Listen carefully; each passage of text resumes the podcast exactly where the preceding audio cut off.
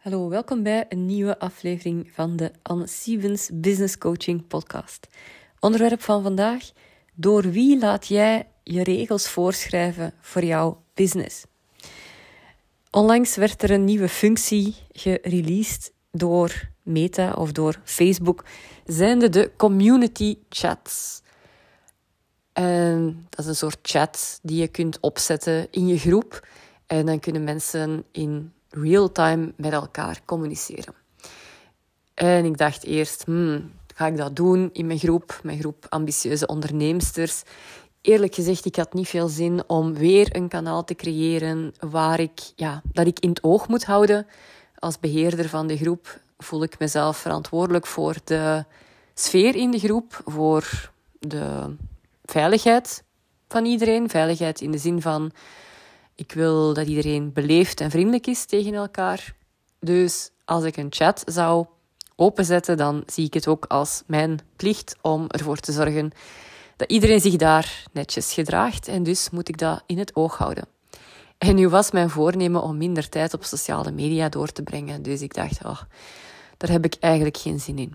Anderzijds dacht ik, het is wel leuk voor mensen om uh, zij die niet onmiddellijk gaan reageren op posts of zelf iets gaan posten, die vinden het misschien wel leuk om iets in die chat te zetten. En dus heb ik toch een chat aangemaakt. En inderdaad, mensen die ik nog nooit iets had um, zien plaatsen in de groep, die, die plaatsen wel iets in de chat. En ze zeggen dat ook van, ja, ik, had, ik, ik ben typisch de persoon die het van op een afstandje allemaal bekijkt, maar nu voelde ik mij wel comfortabel om iets in de chat te delen. En ik zag ook mensen de weg naar elkaar vinden. Ik laat in mijn groep uh, niet toe dat iedereen op elk moment zijn aanbod plaatst. Ik wil niet dat het een platte promotiegroep wordt. Die zijn er al genoeg. Dus ik geef op uh, bepaalde momenten de gelegenheid om je aanbod in de kijker te zetten. Maar posts die daarbuiten nog worden uh, geplaatst, die moeten altijd eerst goedgekeurd worden door mij en die verwijder ik gewoon. Maar in de chat dacht ik, ja, daar ga ik nu niet daar kan ik niet, niks aan doen als mensen daar hun aanbod uh, gaan plaatsen. Dus ik laat iedereen maar doen. En, en dat is ook oké. Dat is, dat is oké dat dat in de chat dan blijft. En mensen vinden ook de weg naar elkaars aanbod en stellen vragen van... Ah, ik wil mijn website onder handen nemen. Wie kan dat doen? Uh, ja, ik, ik, wil een nieuw logo. Kan iemand, kan iemand daarvoor zorgen? En dat is leuk. Uiteindelijk, we zijn allemaal ondernemer en het is altijd fijn als we kunnen connecteren met elkaar en en ook klanten maken op uh, de plaatsen waar we actief zijn. Dus allemaal tof. Wat krijg je dan ook? Reacties van mensen die zeggen: Ik haat die chat. Ik vind die chat vreselijk. Hoe zet ik dat af? Dus ik heb een aantal mensen gewoon geholpen met, uh, met hen te laten zien waar dat je um, kunt klikken zodat de meldingen uh, gedempt worden allemaal niet moeilijk. Dus oké. Maar dan zijn er nog altijd mensen die, die reclameren. En ik, ik zie het ook in andere groepen, hun, andere groepen die een chat installeren. Uh, daar zie ik soms echt grove reacties van mensen die zo, oh, ik vind dat zo, iemand die zo gewoon een vraagteken plaatst. En dan zo, wat is dit en waarom ben ik hierin? En zo, dan denk ik, hallo, beleefdheid. Op een normale manier met mensen communiceren dat kun, dat kun je ook online doen. Er is niks mis met twee woorden te spreken. Waarom moeten mensen toch altijd zo onbeleefd en grof zijn online? Doen die dat dan in het, in het, in het offline leven ook? Maar wat. Dus ik zie dan mensen die zo gaan van... Hè. En uh, ja, enfin, de meningen over die chat zijn dus verdeeld. Maar uiteindelijk, waar kijk ik naar? Ik kijk levert deze chat mij iets op? En ik denk het wel. Enerzijds, het zorgt voor engagement naar de groep toe. Ja, mensen komen voor die chat, dus ze openen telkens de, de groep en ze kijken naar die chat en ze dragen bij aan de chat. Ik kreeg een heel aantal verzoeken opeens van mensen die wilden lid worden van de groep. Dus het zou mij niet verbazen als Facebook groepen waar een chat in geïnstalleerd is, dat zij die ook meer tonen um, tussen de suggesties. Nu, ben ik aan het gissen, ik weet dat niet, ik ben ook geen Facebook-expert, maar ik denk als Facebook een nieuwe functie release, dat ze ergens voorrang geven aan mensen die die functie gebruiken. Dus ik denk dat het mij, mijn groep, de zichtbaarheid van mijn groep ten goede kan komen. Ehm, dan, dan gebruik ik de chat. Dan levert het mij iets op. Het levert mij iets op, het levert mijn uh, groepsleden iets op. Dus ik gebruik de chat. En ja, er zijn een aantal mensen die zich daaraan storen. Nu, ofwel gaan ze de chat dempen, uh, zodat ze de meldingen niet meer krijgen, ofwel kunnen ze de groep verlaten. Hè. Dat kan ook altijd. Ze kunnen de groep gewoon verlaten. Als het hen echt zo erg stoort, dan, uh, dan, dan klikken ze gewoon op, uh, op het knopje groep verlaten en het is weg. Hè. Poef, het is weg. Zo gemakkelijk is het. Um, er is trouwens nog zo'n functie de at iedereen functie. Ja, dat is zo sinds een paar maanden, denk ik. Uh, opeens werd je dan getagd. En dan kreeg je zo'n melding van, hè, die persoon heeft jou getagd in dat bericht. En dan dacht je zo, ah, waarom? Hè? Uh, en dan ging je kijken en dan bleek dat dat um, zo'n at iedereen tag was. Dus niet, niet speciaal voor jou, maar gewoon iedereen. En jongen, jongen, jongen, wat komen daar een agressieve reacties op, zeg. Ik heb, dat dan, ik heb het zelf, denk ik, nog niet gebruikt, of misschien eens één keer. Uh, maar ik heb het al een aantal keer zien gebruikt worden in groepen. En ja, ik vind dat ook niet zo leuk, dat ik zo getagd word in een random bericht. Um, maar goed, ik zag echt in sommige groepen een, agress een stroom agressieve reacties. Haal mij uit deze tag. Haal deze tag weg. Uitroepteken. Maar echt op zo'n manier dat ik denk... Mensen, get alive. En... Uh, en ik zag in, in een van die groepen de moderator van die groep. En ik vond dat zij daar wel heel schappelijk op reageerde. Op die stroom aan negatieve feedback die zij kreeg. Omdat zij de at iedereen tag had gebruikt. En ze zei, ja, dit is een functie... Um, ze zei, dit is een functie die beschikbaar is gemaakt door Facebook. Um, ik plaats deze at iedereen tag in berichten waarvan ik vind dat ze relevant zijn voor leden van deze groep. Je bent ooit vrijwillig lid geworden van deze groep en dus krijg je een bericht met een tag als ik het relevant vind voor leden van de groep. Um, wil je de groep verlaten, dan kan dat natuurlijk ook.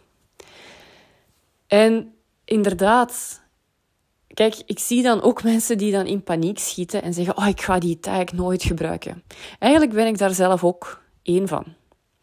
Want ik heb ook al een paar keer gedacht, bijvoorbeeld als ik een, uh, een gratis online masterclass aankondig, dan denk ik, goh, ik zou eigenlijk de tag iedereen moeten gebruiken. Maar dan denk ik weer, ja, nee, want mensen vinden dat vervelend en ik ga het maar zo laten.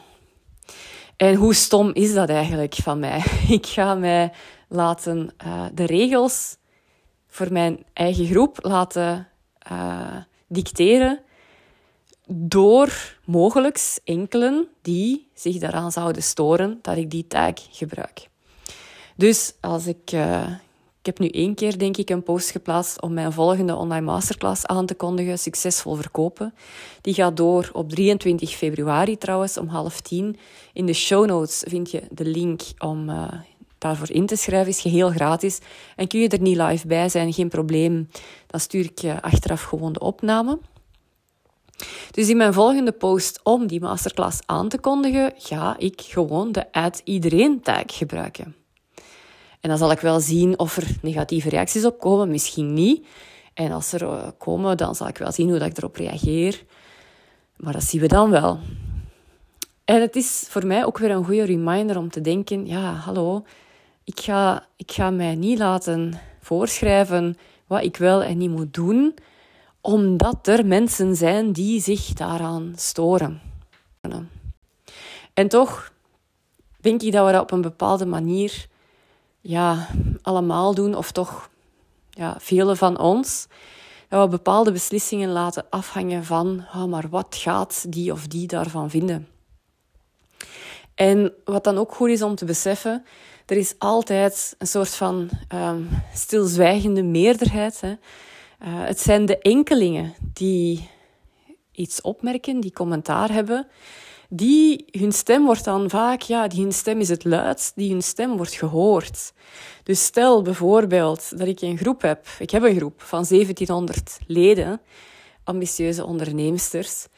Die chat is misschien, wordt geapprecieerd door misschien, ik weet het niet, ik heb iets van een 300 actieve leden, denk ik, in die chat nu, of 350. dus stel dat er 350, of 300 om nu gemakkelijk te rekenen, stel dat er 300 de chat actief gebruiken en appreciëren. Stel dat er 100 zich eraan storen, dan zijn er nog altijd 1300 die er niet veel van vinden die er positief of negatief tegenover staan, of die, die er gebruik van maken als het hen uitkomt, of die, um, die af en toe een keer kijken, of er af en toe misschien eens in blijven hangen. Um, en misschien zijn er twee of drie die hun stem gaan laten horen en zeggen: Ik haat de chat. Drie op de 1700 leden van de groep. Ik ga de chat niet verwijderen omdat drie mensen zich uitspreken dat ze het niet leuk vinden. Dan zijn er nog altijd 1697 die het ofwel wel leuk vinden, ofwel er neutraal tegenover staan, ofwel het niet zo tof vinden, maar zich er ook niet aan storen. Ja? Dus wij hebben altijd die neiging om te luisteren naar de luidste stemmen.